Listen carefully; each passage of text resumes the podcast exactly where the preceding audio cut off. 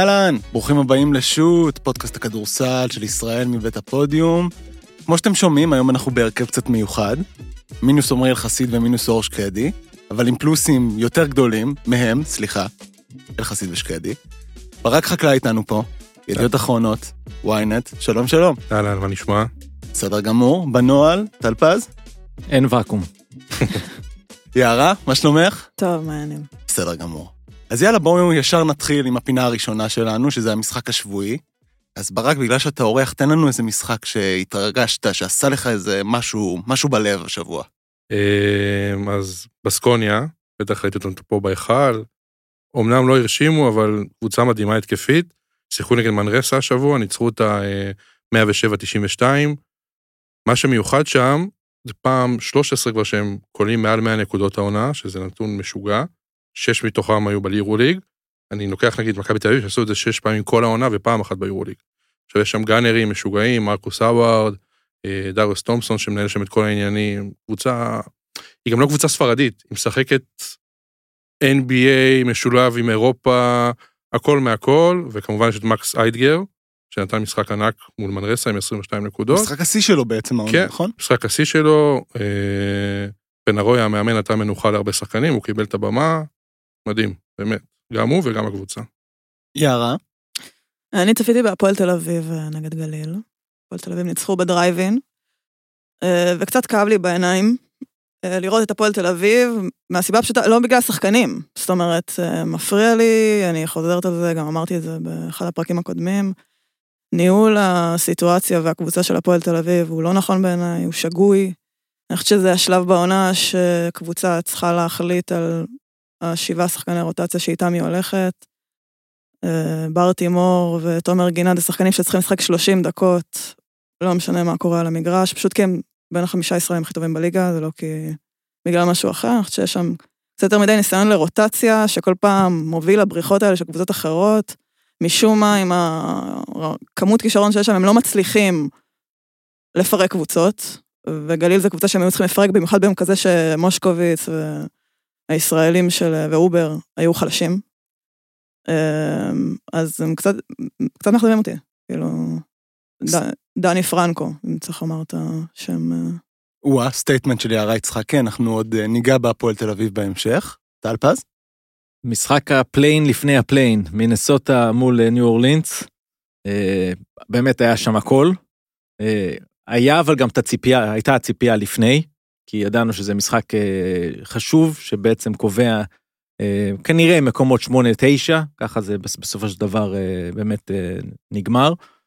ומה שהיה יפה שם, מעבר לדרמות שעוד ניגע בהם, זה אנתוני אדוארדס וקרל אנתוני טאונס, שניים, בטח אנתוני טאונס, לא מעט ספקות היו, עדיין יש, כן, זה, זה עוד, עוד לא התחלנו את הפלייאוף, אבל לגבי היכולות שלו בקלאץ', לסחוב קבוצה, והוא שם שם שלוש שלשות רצופות, ואחרי זה post-up, ויותר ממנו אנתוני אדוארדס, הוא, הוא שחקן עם פוטנציאל להיות two-way, אה, וזה מה שהוא עשה, הוא נתן פה הצהרה הגנתית במשחק הזה, אה, והעלה את מינסוטה למקום השמיני, ונראה אם הם יצליחו לצאת מזה. אתה חושב שזה one and done במקרה שלהם? אה, אני חושב שהם יפסידו ללייקרס, ואז אה, מאוד פתוח יהיה המשחק שלהם כנראה מול ניו אורלינס שוב. אה, מאוד פתוח, אני אומר, כי הם איבדו את מקדניאלס ורודי גובר, אנחנו לא יודעים כרגע איך ינוהל, תנוהל הסיטואציה הזאת. נכון לעכשיו מושעה. מהמשחק. את המשחק מול- הראשון מול הלייקרס הוא לא ישחק. אני מניח שהם יפסידו אותו, ואז תהיה שאלה אם הוא ישחק בשני, ושוב, האם הוא גם תורם, לא בטוח. אגב, האחוזים שלהם, אחוזי הניצחון שלו, יותר גדולים כאשר הוא בחוץ. בדיוק, אז לכן אה, הכל יכול להיות שם. מעניין מאוד. אה, אני בחרתי את המשחק אה, מסדרת רבע הגמר של הליגה הלאומית, אליצור נתניה נגד עירוני נהריה. נתניה קורעת את נהריה 91-58, ואני רוצה להתעכב על שני שחקנים, אחד גדול ואחד גדול עוד יותר. אה, איתן בורג, ה-MVP הישראלי של הליגה, סיים עם 23 נקודות, 6 ריבאונדים, 4 אסיסטים ב-29 דקות. ובן שרף, שחוגג ביום שישי הזה, יום הולדת 17, אז מזל טוב בן, שנבחר לשחקן השישי של הליגה ותגלית העונה, עם 23 נקודות, 5 אסיסטים, 5 ריבאונדים, 2 חטיפות וחסימה, וכל זה ב-22 וחצי דקות. עכשיו אני רוצה להעלות לפה שאלה. בן שרף בעונה הבאה, לאן? אני אתחיל. אה, אני אומר, זאת לא השאלה רק עונה הבאה, אלא כמה רחוק הוא יכול להגיע. מדובר בפוטנציאל בעיניי על מהגדולים שהיו בכדורסל הישראלי אי פעם, ויכול להיות שבעוד שנה אנחנו נגיד אה, ממש אחד משלושת הגדולים אי פעם מבחינת פוטנציאל. אה, יש לו את ה... עדיין הסתכלתי בנתונים גם וראיתי גם את המשחק. אה, הוא על 30 אחוז מהשלוש שזה שזה צריך עוד להשתפר. אבל הקליעה שלו מחצי מרחק היא אוטומטית הקליעה שלו מהקו היא, היא מצוינת 83 אחוז אני חושב העונה. יצא לי לראות אותו בנבחרת גם בקיץ נבחרת הקדטים. הוא שחקן נהדר, יש לו הכל. רכז של מטר תשעים ושש, שאולי עוד יש לו איזה סנטימטר שניים. אה, באמת, השמיים הם הגבול, ואני חושב שכל סיטואציה, זאת אומרת, אם אני גם קבוצה גדולה בארץ, אני הייתי הולך עליו, אבל הולך עליו במטרה שהוא ישחק בעונה הבאה ממש ברוטציה. ואני כרגע אומר, כל קבוצה בארץ צריכה לחשוב על זה. כולם יכולים גם לתת לו דקות, ואני מקווה בשבילו שהוא ימצא, שתהיה מסגרת שמאמינים בו, אה, גם לליגה הישראלית וגם שיהיה לו אירופה. רק שמענו ציטוטים השבוע שמדובר על ילד שבגילו אבדיה וכספי לא היו מוכשרים כמותו. האם זה נכון? אני לא יודע אם לא היו מוכשרים כמותו, בטח לא אבדיה שכבר מגיל מאוד צעיר, אתה יודע, דיברו עליו, וגם לקח אה, תארים עם מכבי בגיל מאוד צעיר, במחלקות נוער. אה, אני במקום בן שרף, קודם כל, אם נתניה עולים ליגה, אני ממשיך בנתניה בלי בכלל לחשוב, אתה מקבל שם דקות. רק אין אירופה, אבל זה הדבר היחידי נכון. שמטריד. אני אבל פשוט... אני, אני מסכים איתך, זה, זה, זה לא רע. אגב, אולי יש כל מיני המצאות אצלנו בליגה הישראלית. כן, אבל ליגה בלקנית. אולי תהיה ליגה בלקנית. כן, זה לא, אבל זה רמה לא, מאוד, אני, כן. לא רמה בשבילו. והלוואי וקבוצות ייקחו אותו, אבל אני חושב שהוא לא יקבל באמת, חוץ מבגליל עליון כזה, או בקבוצות שהם, שזה המנטרה שלהם. למה שלא יקבל באמת, אבל? כי בארץ לחוץ, אתה יודע, הפסד פה, הפסד שם. אבל הוא יותר טוב מרוב השחקנים. כן, אבל יש זרים ויש עניין, אתה יודע, אוקיי, זה... בסדר. הלוואי, כן, אני מאוד מקווה. אני בכלל במקומו הייתי עושה משהו אחר, אמנם זה לא השנה הבאה, אבל זה עוד שנתיים, קצת דעה לא פופולרית, הולך למכללות, משחק עם שנה, מראה את עצמי בארצות הברית, ו... ומשם על NBA, כאילו... אבל זה עוד שנה. כן. כן? זה... הכל פתוח לדעתי. יערה, דעתך? אני לא הייתי הולך למכללות. אני, אני חושבת שהוא הרבה יותר אה, אירופאי בסגנון המשחק שלו. אני מסכימה איתך שאולי הייתי כן נשארת בנתניה, כי בארץ שלנו שאלת למה לא ייתנו לו, לא מהסיבות הנכונות. אה, אפילו קבוצות כאלה, באמת, אמצע טבלה, אה, לפעמים חושבות שזר כזה או אחר שמגיע ליומיים יותר חשוב מהתפתחות של שחקן ישראלי, ואני גם צפיתי במשחק הזה. זה היה מאוד מרשים לראות את נתניה נותנים לשניים האלה לעשות מה שהם רוצים, ולא בקטע רע, בקטע ממש טוב, לעשות מה שהם רוצים, לטעות, לקחת זריקות גם לא טובות, לאבד כדורים, את בורג, התחיל את המשחק עם כמה עיבודים, שכל מאמן אחר היה מטיס אותו לספסל. אמ, וזה היה כיף לראות, וזה היה כיף לראות שנותנים להם את הבמה הזאת, והזרים הם משלימים שלהם, ולא להפך. אז אני לא יודעת כמה קבוצות באמת ייתנו לו את הסיטואציה הזאת, ואם הם באמת עולים ליגה, אז לא הייתי פוסלת את זה, אבל הוא חד משמעית צריך להוביל קבוצה, להיות רכז ראשון. אני לא הייתי הולך לגדולות, אני הייתי הולך לרכז ראשון. אבל אני חושב, אתם אומרים, ייתנו לו, ואני בא ואני אומר, אני מכיוון אחר.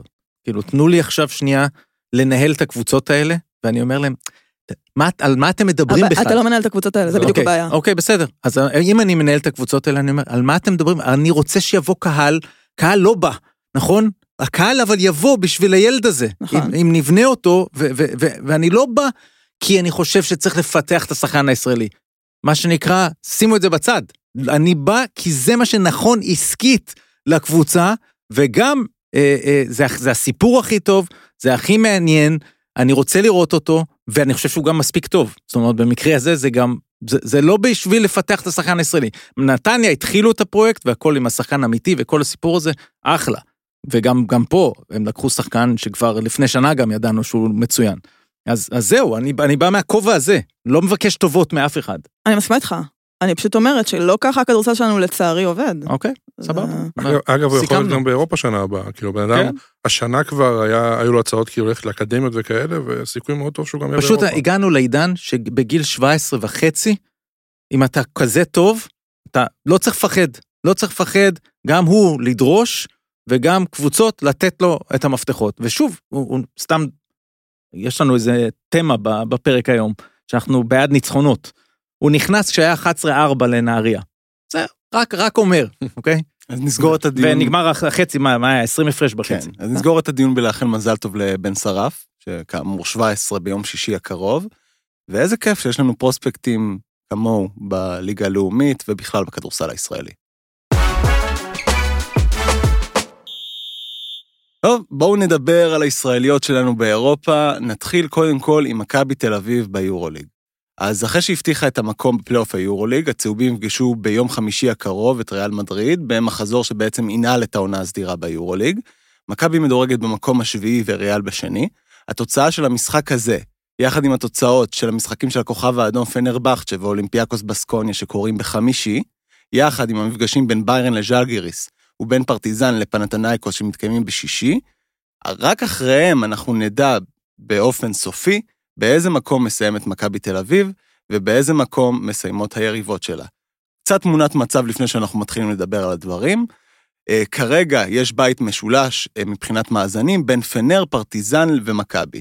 בבית שכזה מכבי תסיים אחרונה, מקום שביעי. אממה, מכבי לא יכולה לרדת מהמקום השביעי, כי בבית פנימי, במידה ובסקוניה וז'לגיריס מסיימות במאזן דומה למכבי, בעצם יש לה עדיפ...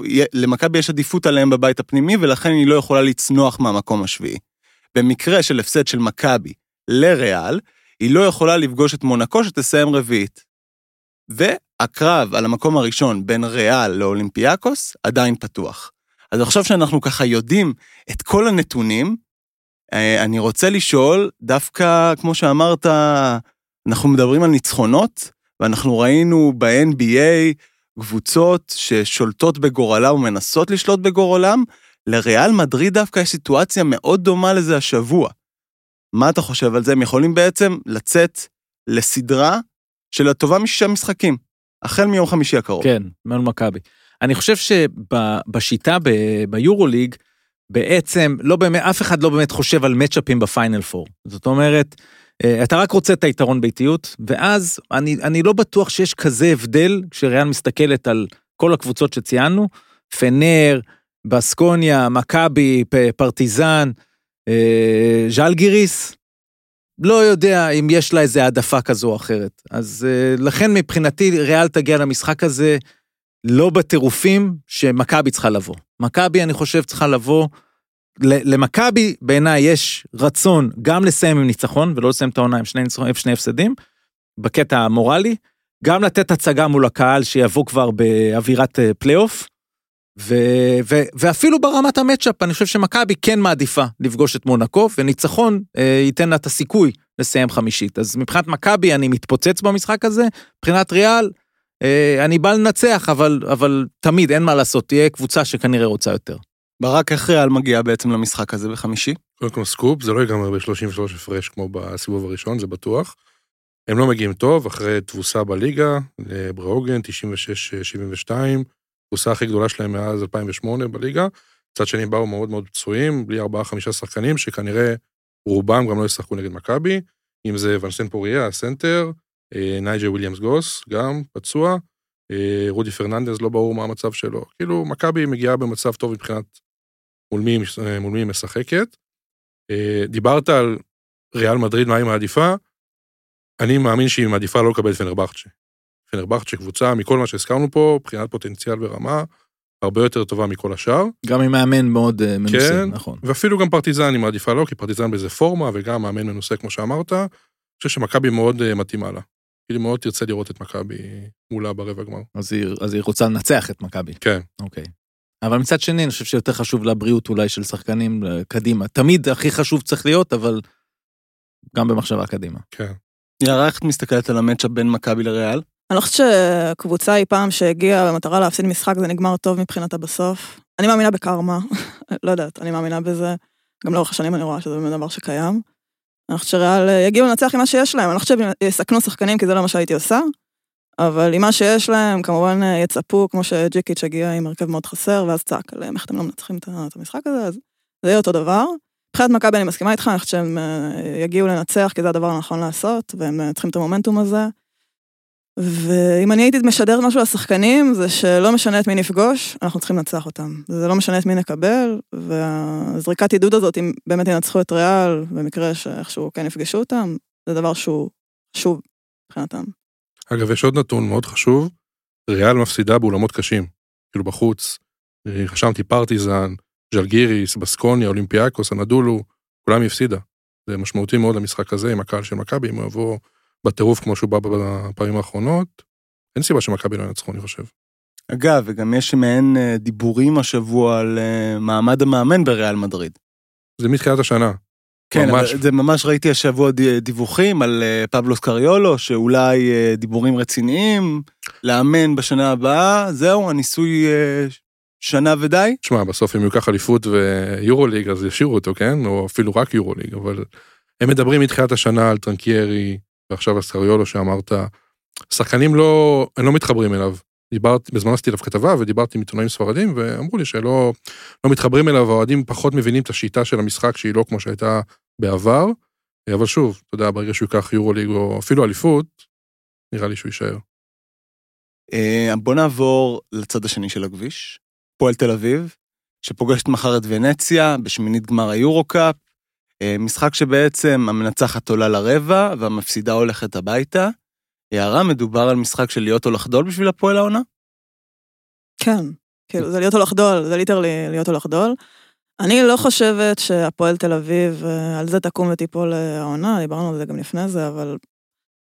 אה, אני חושבת שהם צריכים להתרכז בליגה, באמת להביא הישג משמעותי בליגה עם הקבוצה הטובה שנבנתה פה, אני חושבת שמבחינתם זה יהיה בונוס, וככה הם צריכים להסתכל על זה.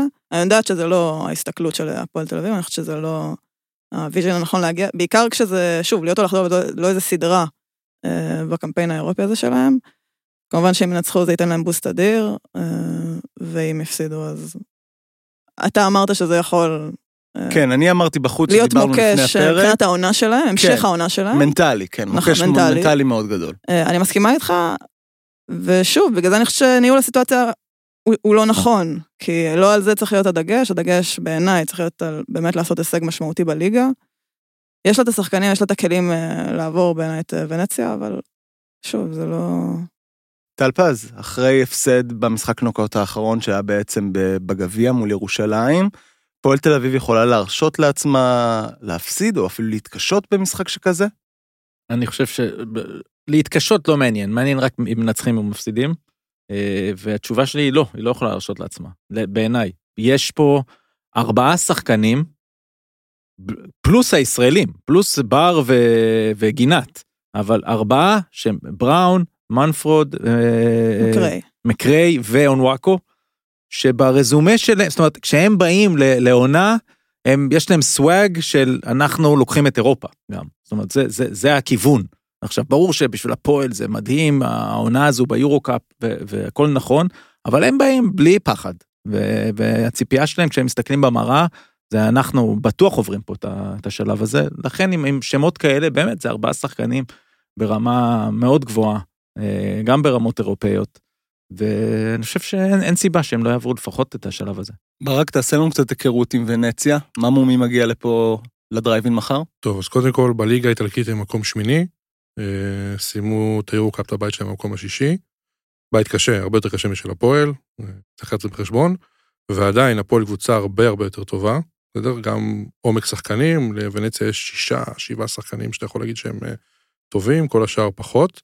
אה, שניים שאנחנו מאוד מכירים, ג'ייסון גריינג'ר, שיחק המון מול מכבי, בסקוניה, אנאדולו, אה, מלאגה, אה, בן 33 כבר, מבוגר, עבר פציעה אחת קשה לפחות שאני זוכר לאחרונה.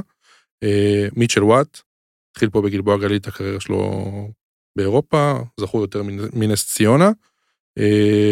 נמצא שם מ-2017, זכה איתם בשתי אליפויות בגביע, הוא כאילו הסמל של המועדון. שש שנים במועדון? כן, וואו. כן. הוא, הוא כאילו הסמל, ושניהם השחקנים הכי משמעותיים, גם בנקודות, גם בהשפעה, זאת אומרת, אתה עוצר אחד מהם, ועוד קצת אותה, את השני, והמצב בסדר. שחקן מאוד מאוד מעניין שם, שאני לא מבין איך הוא לא ביורוליגות, זה דריק וויליס, stretch four, קולע מדהים. אינדיאני, כן, אימא שלו אינדיאנית, גדל בשמורה של אינדיאני, משהו מאוד מאוד מצחיק, השחקן בין היחידים ששחק ב Division 1 ב-NCAA שהוא אינדיאני. אה, אני מאמין שנה הבאה ביורוליג. זה בגדול השלושה הטובים. מרקו ספיסו, רכז של אה, נבחרת איטליה שהיה פצוע בחודש האחרון, חזר. וחזר טוב. כן, משחק האחרון נגד אה, טורטונה כבר קלע 15 נקודות, שלו- אה, 13 נקודות. היו לו. גם כמה רגעים ביורו בסקט. כן, הוא שחקן, לא, לא סתם. שחקן מסוג שחקן, כמו שאנחנו אוהבים מהמם. להגיד. והסיפור הכי גדול בקבוצה זה המאמן, כמובן. נבן ספחיה שהגיע אליהם בפברואר במקום וולטר דה רפאלה, שהוא אגדה שם, הוא היה 13 שנים ב... בוונציה, מתוכם שבע כמאמן, הוא זה שזכה את כל, את כל התארים איתם. אה, ספחיה הגיע, הם כאילו במאזן קצת יותר טוב, מאז שהוא הגיע 12 משחקים, 7-5, אבל לא, אתה לא רואה שינוי מטורף, אתה לא רואה איזה מה- משהו. מה הפועל תל אביב צריכה לעשות בעצם כדי לנצח אותם? קודם כל לשחק על הרגליים של גריינג'ר וגם של וואט, שניהם כבר לא בגיל שיכולים לשמור, זאת אומרת ג'ייקובן ומקריי ומנפורד לחדור עליהם בקלות. אה, שלשות של ספיסו כמה שפחות. אה, ושוב, זה תלוי בהפועל, זה פחות תלוי בוונציה, בטח בבית של הפועל, תלוי בהם. יערה, ממי את מצפה להגיע בהפועל תל אביב? שוב, שאלת אותו מה המפתחות, מבחינתי המפתח העיקרי של הפועל תל אביב זה הצורה שבה הם ישחקו, וזה באמת יותר תלוי בהם. קצב משחק מהיר נראה להם הרבה יותר טוב, אמ, לרוץ, אה, וזה מתחיל מההגנה, זאת אומרת, הגנה טובה וחטיפות, ולייצר אה, ריבאונדים ולדחוף את הכדור קדימה. לייצר קליעות פנויות לקלעים שלהם, כי יש להם קלעים מצוינים. אה, גם ברטימור בתקופה מדהימה, מקריי, אין דברים כאלה. בעיניי אחד הזרים היותר טובים ש... שהיו בהפועל. אה, קולטת את המבטים שהוא נותן לשופטים לפעמים? יש לו מבטים שבמדינות מסוימות היו עוצרים אותו על רצח בגינם, באמת, זה משהו, חוויה. תראו פעם אחת שריקה שנשרקת נגדו ואת המבט שהוא נותן לשופט. כן, ו... ומנפורד, שלדעתי צריך להיכנס יותר לעניינים, גם במשחקים האחרונים פחות אה, מגיע לזריקות שלו. שוב, קצת בלאגן מרגיש לי במשחק שלהם, בגלל זה המשחק צריך להיות יותר קבוצתי, יותר מסודר. אה, ופחות עם ניסויים כאלה ואחרים. את חושבת שהכדור שעד עכשיו לא נכנס יותר מדי פנימה לצ'יף, צריך להיכנס עכשיו פנימה? כי את אומרת, זה לא הזמן לניסויים, אז אולי עדיף שפחות ינסו. שוב, כן, כי זה גם מייצר זריקות פנויות. ברגע שאתה הולך פנימה, ההגנה מתכווצת, אתה מוציא כדור, זה, זה הזריקות שאתה רוצה בכדורסל. זאת אומרת, כשאתה מרים שלושה, זאת הזריקה שאתה רוצה, לא, לא עם יד בפנים ולא אחרי כדרור. למרות שיש להם את הכלים לעשות גם את זה. אבל כן, אני הייתי משחקת מהר, מכניסה כדור פנימה, בהתקפה עומדת כזאת או אחרת. גם במעבר, אגב. אה, זה המפתחות שלהם לעונה הכללית, לא רק למשחק הספציפי הזה. רק צריך להגיד שבמידה והפועל תל אביב עוברת בעצם את אה, ונציה ברביעי, תפגוש את המנצחת בין בדלונה ללונדון ליונס, אז יהיה מעניין, אנחנו נסכם את המשחק של הפועל תל אביב בפרק של הפודיום ביום חמישי, אה, ונראה, נראה איך העונה של הפועל תל אביב תתפתח אחרי המשחק הזה. צריך לציין שאם הפועל תל אביב מפסידה, יש לנו ביום ראשון הקרוב דרבי תל אביבי בשעה שש, ואם לא, הוא נדחה למאי. אז אה, מה שנקרא נפלאות הליגה שלנו. נעבור, דיברנו על אה, קבוצת ריצה, אז בואו נדבר על קבוצה שעוצרת קבוצות שרצות, הפועל ירושלים, אה, שמנצחת אה, בשבוע שעבר את טאיה קטונה, אה, ובעצם רוצה לגמור סיפור מחר בחמש וחצי, אה, במטרה להבטיח את המקום שלה בפיינל פור, שיש סיכוי מאוד מאוד גדול שיתקיים בארץ. אז קודם כל אני רוצה לדעת, ברק, למה חמש וחצי? או-אה, שאלה טובה, ויש גם תשובה טובה. אה, קבוצת הכדורגל של אא"ק אתונה משחקת בחצי גמר, גומלין לחצי גמר גביע המדינה של יוון נגד אולימפיאקוס, באולימפיאקוס. אוהדים, אוהדי חוץ לא יכולים להגיע למשחקי בית של... אה, משחקי בית בקיצור, אז כל האוהדים רוצים לראות את המשחק.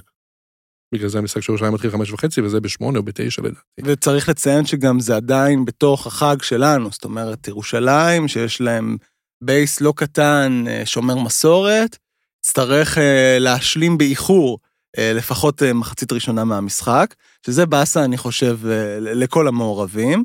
אה, טלפז, דיברנו קצת אה, בפרק שעבר של הפודיום על המשחק הראשון.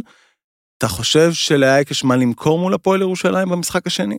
קודם כל הם הוכיחו שכן, אה, והם אולי הוכיחו גם שהם יותר טובים ממה שחשבנו. אז אה, כלו 55 נקודות, כן? כן, אבל זה היה צמוד הרבה זמן, אוקיי? אז אני בא משם, ואנחנו גם יודעים שירושלים הכל, הכל, הכל יורד. זאת אומרת ש-55 נקודות זה כמו 70, כי ירושלים לא כל ה-90. אז, אה, אז זה דבר אחד. לירושלים יש פה צ'אנס אדיר, היא ממש חובה עליה לדעתי לעשות הכל, לגמור את זה שם ולא להיכנס ללחץ של אה, משחק אחרון על כל העונה האירופית. שוב, כי גם אצלה יש אפילו יותר מונח על הכף עם- הפוטנציאל לארח את הפיינל פור פה. אה, יהיה, אני מניח, משחק צמוד, ואם נלך עם מה שאנחנו פה דיברנו הרבה זמן, הם לוקחים את המשחקים הצמודים. יערה, את חושבת שגם את המשחק הצמוד הזה הם ייקחו? כן, אני חושבת שהקבוצה של אתונה, גם אני צפיתי במשחק שלהם הראשון, לא מוכשרת. אה, אין שם איזה כישרון אדיר, אין שם יותר מדי, ועדיין ירושלים הצליחו להתקשות איתם, זאת אומרת, זה היה משחק רע מאוד שלהם בעיניי. אה, ספידי סמית די הציל אותם במשחק הזה. הרבה, כמה שחקנים צריכים לחבר את, ה, את הסיפור הזה ולהגיע יותר מוכנים, יותר טובים, בין אם זה הנקינס, בין אם זה קרינגטון, כל הסיפור הזה שם צריך להתחבר להם טוב יותר. הגנתית אנחנו יודעים שהם יגיעו, התקפית הם צריכים לראות קצת יותר טוב. הם נראו טוב ברבע הראשון, ומאז סיימו את המשחק, אז... ברק בעצם איך הפועל, תל... הפועל ירושלים שיתקה ככה את אה, אתונה במשחק הראשון, 55 נקודות, מה, על מה הם שמו את הדגשים? שני דברים, אקיל מיטשל, שהוא הכוכב הכי גדול שלהם, אנחנו מכירים אותו פה מארץ. בארץ הוא כאילו היה פחות מוערך, אבל הוא יכול להיות MVP של, ה... של ה-BCL השנה. מוריד אותו ל... ל-5 מ-13 מהשדה, כלל רק 12 נקודות, 0 מ-4 ל-3, זה שחקן של הרבה יותר. אה, ואולי הסיפור הכי גדול שפחות מדברים עליו זה ברינטון למר, שחקן שהגיע אליהם ממש לא מזמן, קולע 12.7 נקודות למשחק, ירושלים עצרו אותו על 0. 0 נקודות, לא קלה נקודה. וזו הסיבה שהם הגיעו ל-55 נקודות. אה, אבל דיברתם פה על כאילו מה יהיה, אני חושב שהסדרה הזאת תלך למשחק שלישי. באמת? כן. גם בגלל הקהל שם, זה 8,000 אוהדים שהוא יהיה מלא, דיברתי עם אנשים ביוון ואמרו שיהיה מלא. וגם כי זה המשחק הכי גרוע של אייקי אתונה בתקופה האחרונה, למרות שהיא בתקופה רעה, מבחינת נקודות, יותר גרוע מזה לא יכולה לשחק.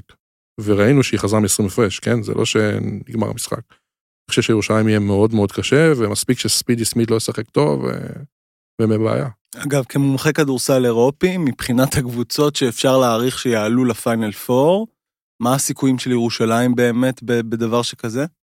מאוד טובים. כן? כן, אתה יודע. ירושלים יש שיטה מאוד ברורה, שהיא הגנתית, ג'יקיץ', ואין את זה לקבוצות אחרות, זה לא קיים. אייקס זה כאילו כן קיים, אבל לא באמת. ראית, ירושלים בסוף ניצחו כי הם היו יותר טובים התקפית, והם לא הצליחו לעצור אותם. אה, אין סיבה שירושלים יעשו פיינל פור. טלפז, האם זה יכול להיות שהם גם יכול להיגמר ב double?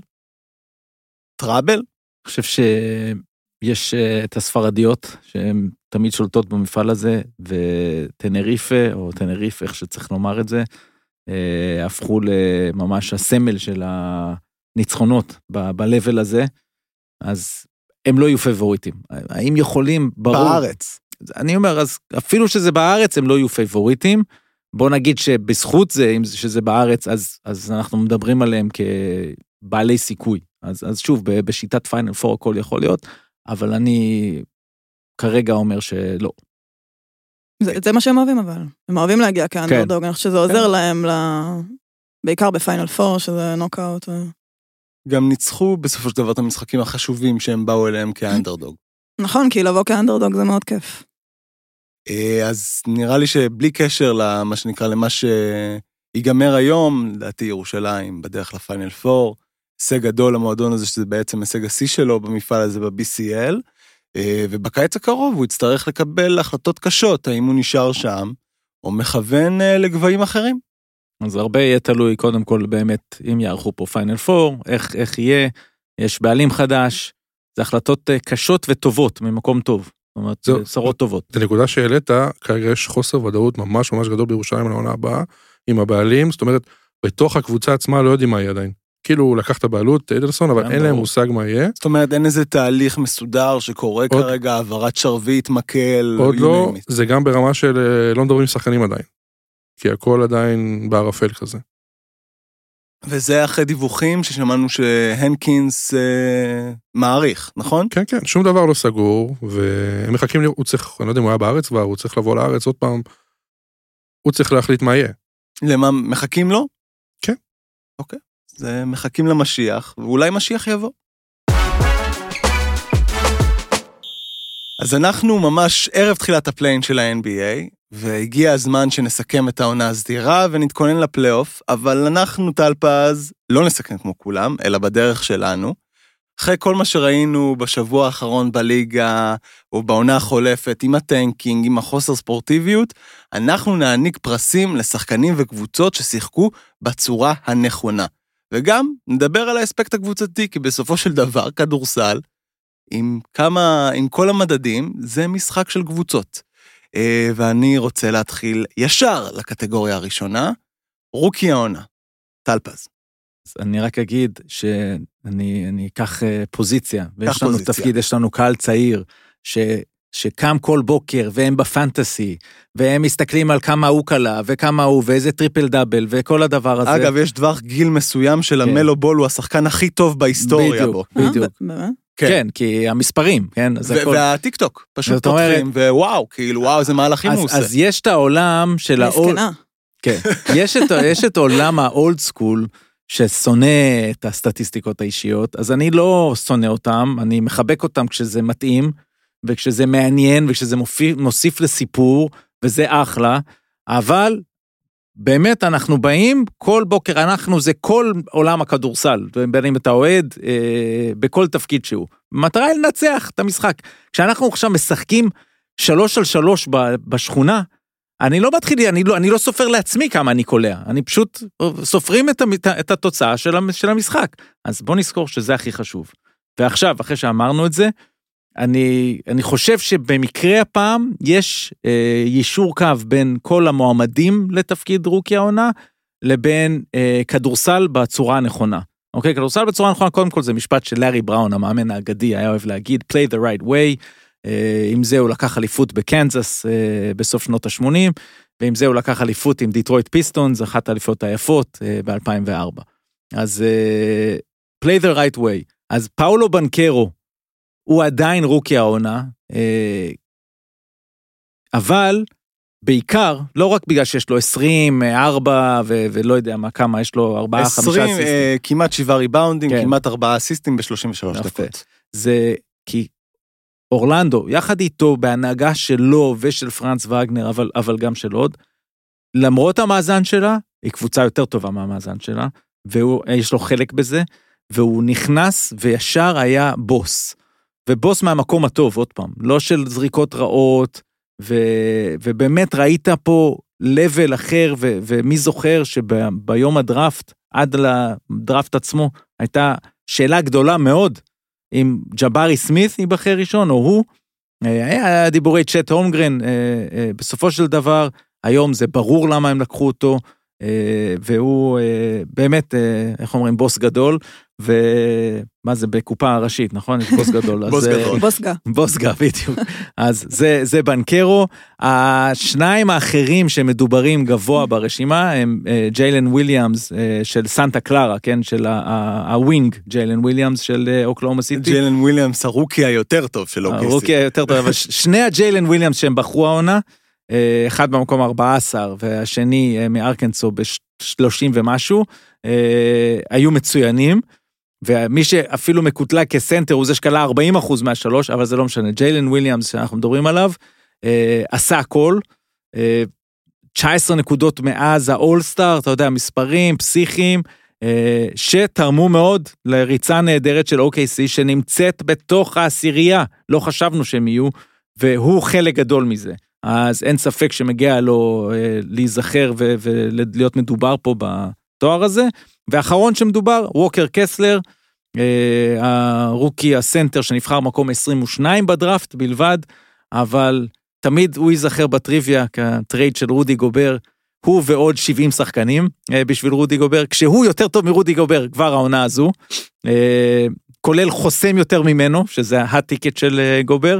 יותר משתי חסימות למשחק, כן, לרוקי. יאמר רק לזכות אה, גובר זה שפשוט הרבה אנשים לא חודרים לסל פשוט מרוב פחד ממנו, אבל זה כבר סיפור אחר. ויש כאלה שחודרים, ואז שואלים אותו למה לא סגרת אותם, נכון. ואז הוא נותן אגרוף. ומוסיפים, לא, ומוסיפים כמה הערות, אז אה, אגרוף מאוד מעפן. אגרוף מעפן גם. וואי, ש- ממש. כן, תן, לא, לא כזה תן נורא, לא. כזה נורא. זה פה, זה גם למקום פה שהוא פאדד כזה, אתה יודע, אתה זה ראית פחות את כואב. הדיווח של וודג' על זה אתמול, אם כבר נכנסנו? לא ראיתי פי, לא ראיתי בעיניים, בווידאו, אבל נאמר קראתי. בדיווח שבגלל שהאגרוף כוון לאזור החזה, והוא לא ניסה לפגוע בפנים ולפצוע אותו, אז נכון, הקבוצה אבל רואה את זה נכון. בדרגת חומרה פחותה אבל יותר. זה נכון. קודם כל, גם אפילו בחוקת הכדורסל, מכה מהצוואר ומעלה, היא יותר כן, flagrant. אבל אנחנו לא באזורי ה flagrant, אתה יודע, אנחנו. באזורי המשמעת. אני חושב שמחמיאים לו, והוא לא, לא יודע איפה הוא רוצה לתת את האגרוף. כן. זה כאילו, קרה מאוד בטעות, הוא פשוט לא, לא יודע לתת אגרוף. טוב, עזוב, אה, סטינו כן, מקסלר כן. לגובר. רק רגע לפני שאני שואל את יערה על, על הרוקי של העונה שלה, אני רק רוצה לזכור את נושא הזקנה.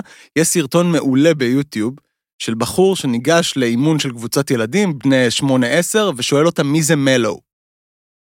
והם אומרים לו למלו. למלו אה, חד משמעית. ברור. אז, אה, ועכשיו אני רוצה לשמוע את דעתך על רוקי. אני גם מסכנה כי אני לא מכירה את הסרטון הזה. אני אשלח לך אחר כך. סבבה.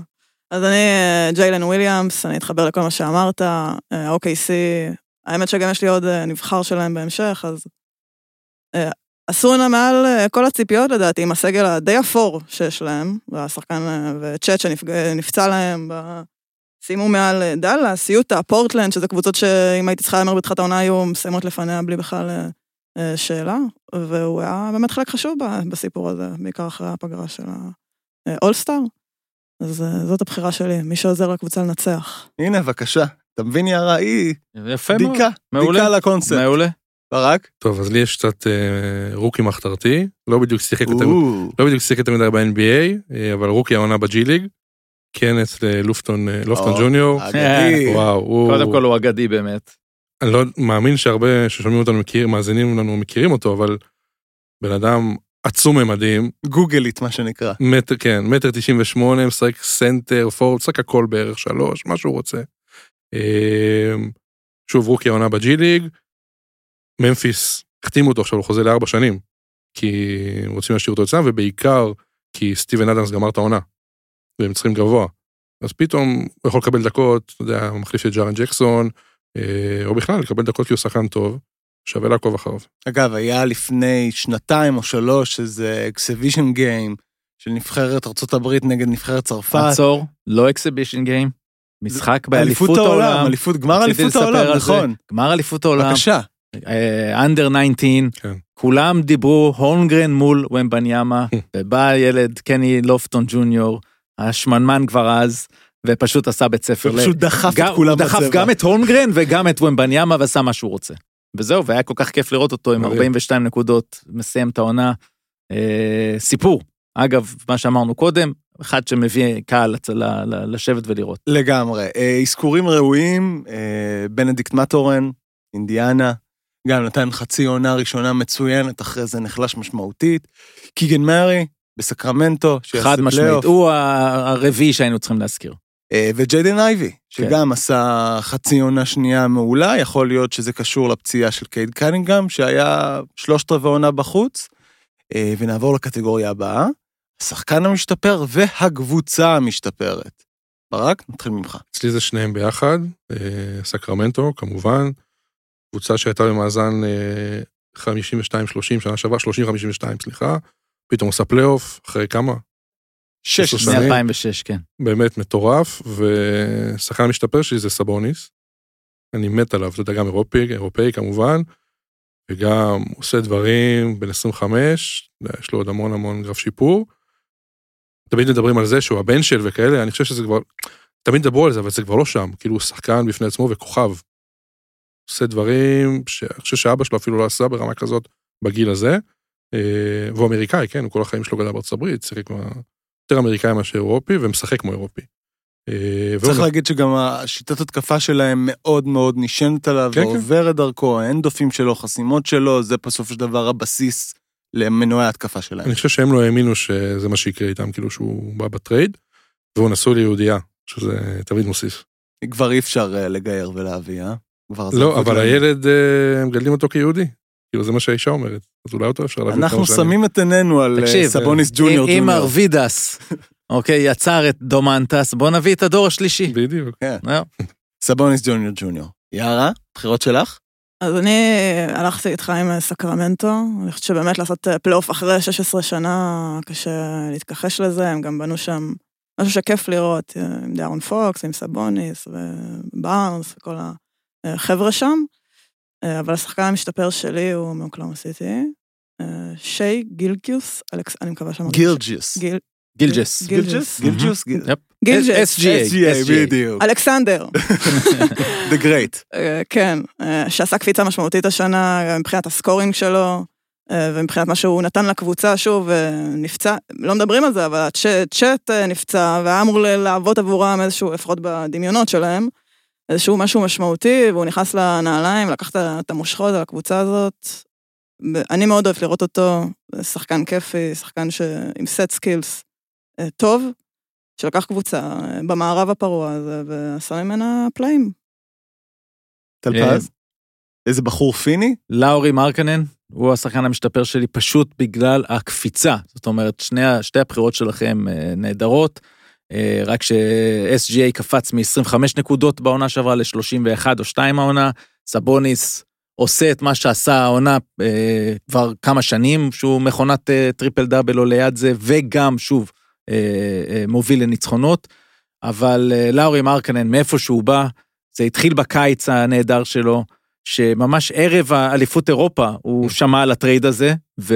ומאוד שמח. בהתחלה היה בהלם, אבל אז הבין פתאום שביוטה אה, הלכו על קבוצה שהייתה אמורה להתחרות ביוסטון, בסן אנטוניו, בדיטרויט, על הקבוצה הגרועה של הליגה ועל לקבל את ה-14% ב lottery בשביל להביא את וומבי. ולאורי מרקנן, אה, הסיבה העיקרית שהקבוצה הזו הייתה קבוצה, רוב העונה קבוצה מנצחת. לא סימונה פונטקיו? סימון פונטקיו סיים יפה את העונה, אבל אה, מרקנן, אה, מספרים, הוא היה אולסטאר העונה, סיכוי טוב מאוד שהוא ייבחר לאחת מחמישיות ה-NBA. אה, באמת, שוב, ראינו את זה בקיץ, אבל לא האמנו שזה סוף סוף מבחינתו, כי חיכו כמה שנים שזה יתורגם ל-NBA, תורגם על מלא, קליעה אוטומטית. דנקים, היו לו איזה 100 דנקים העונה, זאת אומרת, הוא שחקן אגרסיבי, זה לא האירופאי עם המקוטלג רך הזה, ו... וכל הכבוד לו, ושוב, הוא היה חלק מבחינתי מקבוצה ששיחקה כן נכון וכן ניצחה עם מאמן מצוין, אה, וויל הרדי, אז אה, זה הוא וקבוצה משתפרת. אה, אז כמה סיכמנו על- סקרמנטו. על מרקנן, לפני שאני נותן את המועמד שלי, הוא בעצם עם 25.6 נקודות בממוצע, עם כמעט 50% מהשדה, שזה שיפור של יותר מ-10 וחצי נקודות. ל- זה ההגדרה של שיפור. כן, מה- מהעונה שעברה, עם 7.7 שלשות למשחק בכמעט 40 אחוז, שזה משוגע בפני עצמו. מועמד שלי הוא מיקל ברידג'ס. לשחקן שעשה את, ה- בעצם את הקפיצה באמצע העונה. ומה הכוונה? ב-56 משחקים שהיו לו בפיניקס, הוא קלע בסביבות ה-17 נקודות. ב-27 משחקים שהיו לו בברוקלין, הוא בממוצע של 26.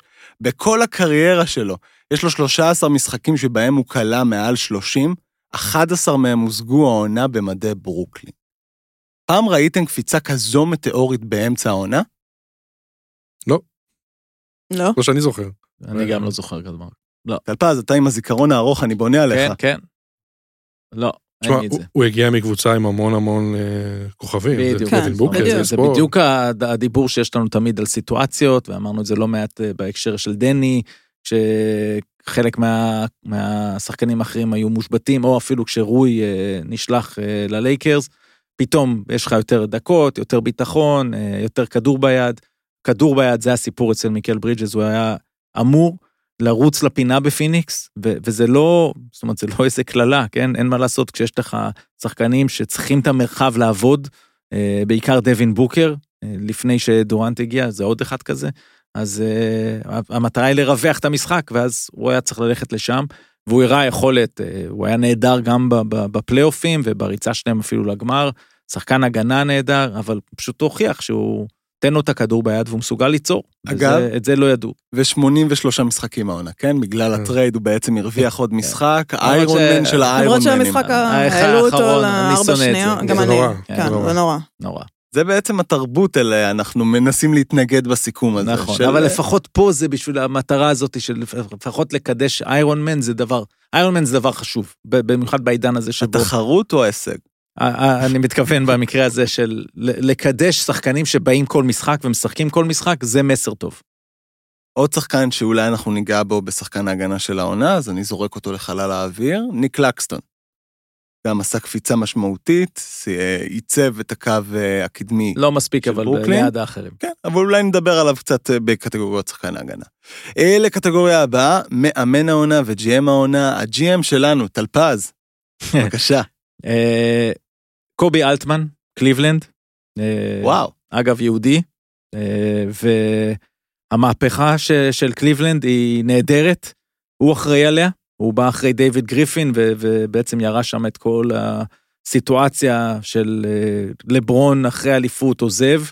והנה, תוך כמה שנים יש קבוצה נהדרת, ורק הקיץ הוא עשה את טרייד דונובין מיטשל, כמובן טרייד מאוד מוצלח, ששם אותם במקום הרביעי. אז הוא במקום הראשון שלי.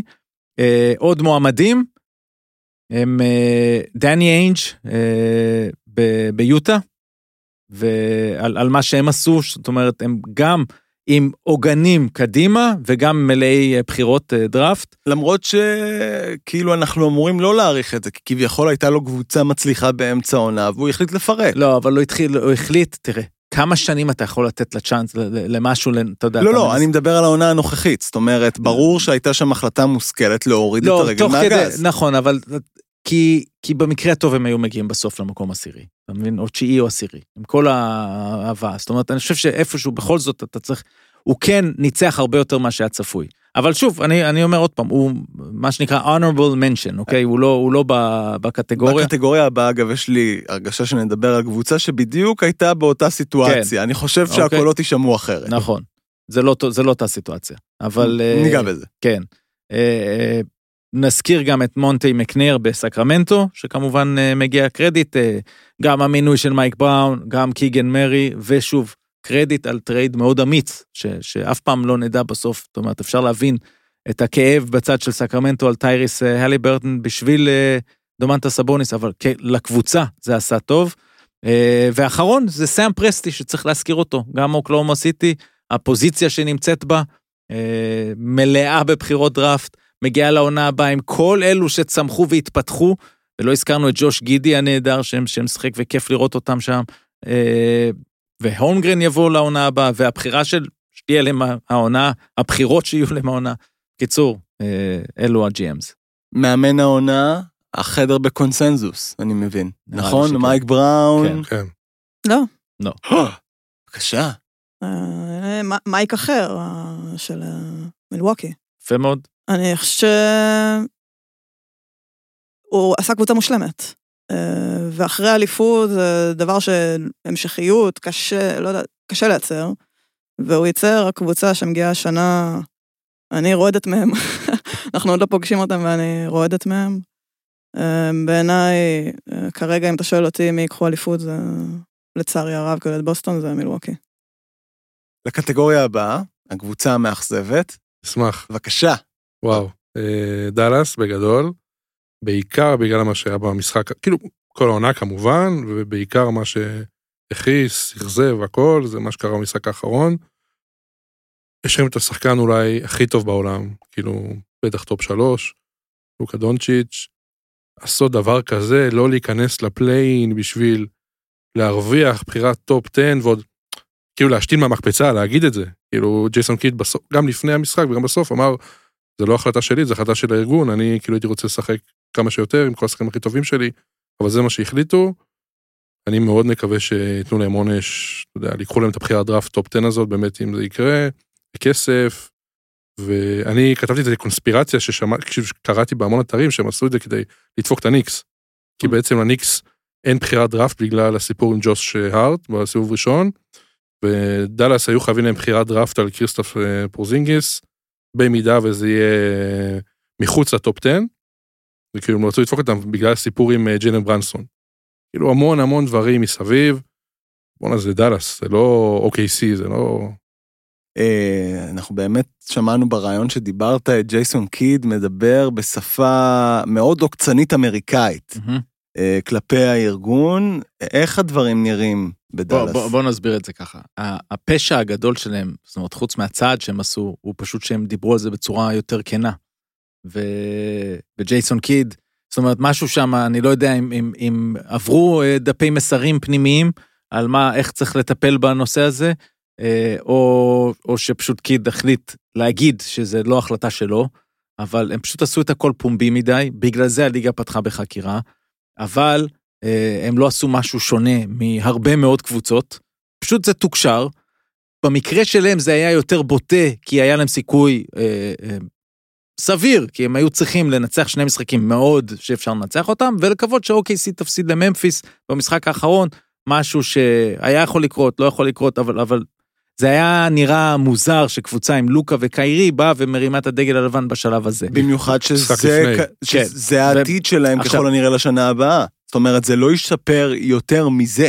לא, אבל, אבל דווקא בגלל המצב שלהם, שהם מבינים שהם צריכים עזרה, הם הבינו כמה הבחירה הזאת היא חשובה להם, אה, אם כדי לבחור את השחקן, או כדי לעשות טרייד, להרכיב אותו. שראינו העונה שבחירת סיבוב ראשון לא בהכרח מקנה לך... עונה? בכל, בכל עונה. לא, זה- אבל זאת אומרת, ראינו השנה טריידים של בחירת סיבוב ראשון לא שווה יותר מדי. כן, בסוף צריך לזכור, כאילו, מי זה השחקן הזה שאתה בוחר אותו במקום העשירי? אוקיי, מי זה? אז ת, תסתכל רגע ותבוא ותגיד, הרבה פעמים נורא קל להגיד, וואו, זה... It's an asset, הם אומרים ב- ב- באנגלית, אה, זה נכס. זה נכס הרבה יותר טוב כשהוא על הנייר וכתוב בחירה עשירית, אה, מאשר אחרי זה כשאתה רואה את השם של איזשהו שחקן, ששוב, ש... עכשיו, כשאני אומר את זה, יכול להיות, רוב הסיכויים שבחירה עשירית זה שחקן שהוא ברוטציה, שאתה נהנה ממנו מתישהו, אבל מי יודע בדברים האלה, הנה רק דיברנו עכשיו על, על קסטר בחירה 22, שאחלה שחקן, אבל יש הרבה מאוד בחירות במקום העשירי אה, ש, שלא יוצא מהם שום דבר. צריך אבל להסביר, מה שקרה פה עם דאלאס זה קרב גדול פנימי בכלל שקיים בליגה, בין עולם המספרים וה, והסיכויים והאנליטיק לבין טהרת הספורט. ו, וה, והגדולה בניהול של קבוצות היא, היא לשלב את הדברים.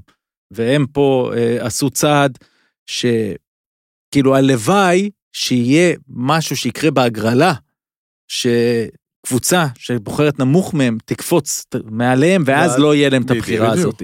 זה העונש הכי טוב, וגם אם הוא יקרה, עדיין יגידו אנשי הסטטיסטיקה שזה הדבר הנכון לעשות. עכשיו, האם הליגה תיקח מהם, אני לא חושב שהליגה תיקח מהם שום דבר, אני כן צופה פה קנס כזה גדול, אה, ב- ב- בכיוונים של השש ספרות, או חצי מיליון אה, דולר כזה, אה, רק על זה שהכל היה בוטה, אה, אבל זה, זה הסיט מהדיון. הדיון הוא בלי קשר, גם אם הם נבחרים ומגיעים למקום העשירי, הם קבוצה מאוד מאכזבת העונה. הבניית קבוצה הייתה מאוד מאכזבת. משהו שקרה שם ללוקה בחודשיים האחרונים, זה מאוד מאכזב, ו, ו, וזהו, ולכן הם, הם קודם כל הקבוצה המאכזבת של העונה, והש, והקבוצה שצריך בעיניי לציין, אה, אני מציין שתיים, גם פורטלנד, עם דיים לילארד בריא, עם אה, אנפרני סיימון שנתנו לו חוזה 100 מיליון לארבע שנים. וג'רמי גרנט שהם הביאו, אה, הייתה אמורה להיות קבוצה שעושה play-in, וגם הלייקרס צריך לא לשכוח, נכון, עשו ריצה יפה מאז האולסטאר, אה, אבל בשבילם לגרד את ה play-in, אה, בסופו של דבר מקום שביעי אה, במערב הצפוף, אה, זה מאכזב, כמובן שיש להם פלייאוף שהם יכולים אה, להפוך את הכל. יערה בקצר? כן, בקצר, זה מאוד אכזב אה, באמת מה שקרה עם כל הסיפור הזה, אבל אותי הם יותר, יותר דאלאס אכזבו בטרייד אה, שנעשה על קיירי, שדי גמר להם את העונה, כאילו, גם אמרתי את זה פעם קודמת, אפשר להסתכל על זה איך שרוצים, היו מקום רביעי חמישי, מרגע שהוא הגיע, מאזן אה, מחריד של ניצחונות, בסופו של דבר אנחנו מדברים פה על טהרת הניצחונות. שחקן שלא הביא להם ניצחונות, והנה, וגם ראיתי את ההתבטאות של מר קיובן הגאון, שאמר שקיירי זה בן אדם טוב, זה לא מה שהם מכירים, ו... ואוקיי, אם אחרי כל השנים האלה בליגה זה מה שאתה... אז כנראה שגם אתה קצת מסובב. אה, או סליחה- שאתה, או, סליחה, ש- או שאתה איש על- שיווק, או שאתה איש שיווק. אה, מאוד, מאוד רע כנראה, כן? אה, אבל כן, מאוד מאכזבים, מאוד. אז קטנה כאילו על קיירי, יש שחקנים שמרגיש שיש סביבם עילה, ששום דבר לא יצליח. אני נתתי אתמול דוגמה על עידן ורד מהכדורגל. הוא הגיע להפועל פתח תקווה, ואז כזה יש עילה מאוד שלילית, כאילו שום דבר סביב האיש לא יכול להצליח. זה פשוט לא יכול להיות מסביבו, כי העולם שטוח, אז זה, זה לא מסביב. מעולה. אה, אני רוצה רק לציין קבוצה לפני שאנחנו מת- ממשיכים הלאה, אה, וושינגטון וויזארדס. אם יש סמל לבונ- לבינוניות, זה הלוגו של הוויזארד. אותו מאזן בדיוק מהעונה שעברה, אותו מאמן בדיוק מהעונה שעברה, שגם ממשיך לעונה הבאה. אכזבו אותך? כן, ציפית? כן. כאילו? זאת אומרת, אני מצפה לאיזשהו גרף של שיפור, אפילו אם זה גרף קטן, אז טיפה. אבל זה פשוט אותו דבר, שנה אחר שנה, נראה ש... תראה, זה בן אדם יותר חכם ממני, אמר שאם אתה עושה את אותו דבר אה, כל פעם ומצפה לתוצאה שונה, אז אתה... לא, אבל היו להם אה, קייל קוזמה ופורזינגיס וברדלי ביל, שלושה שחקנים מאוד מאוד טובים. שבקושי אה, שיחקו יחד, אבל עדיין, זה לא מספיק טוב. אני לא חושב שה franchise הזה, בטח עם ההרכב הנוכחי שלו, יכול לעשות יותר מאזור ה play-in. צריכים להילקח שם החלטות אמיצות שלא נלקחות שם, אה, וזה חבל. נעבור לקטגוריה הבאה, עם החיוך הזה מטל פז. אה, שחקן ההגנה של העונה, שחקן ההגנה של העונה. מי רוצה להתחיל? אני אשמח. כי דיברנו עליו. אה, ווקר קסלר. ווקר קסלר, שחקן ההגנה של העונה. אני מאוהב בו. אתה יודע, זה 2.3 חסימות למשחק. דיברנו, החליף את גובר ביוטה. מדהים, באמת, שחקן שיש לו עתיד גדול גדול בליגה הזאת. ומה שהכי מגניב, אבא שלו ודוד שלו רופא שיניים.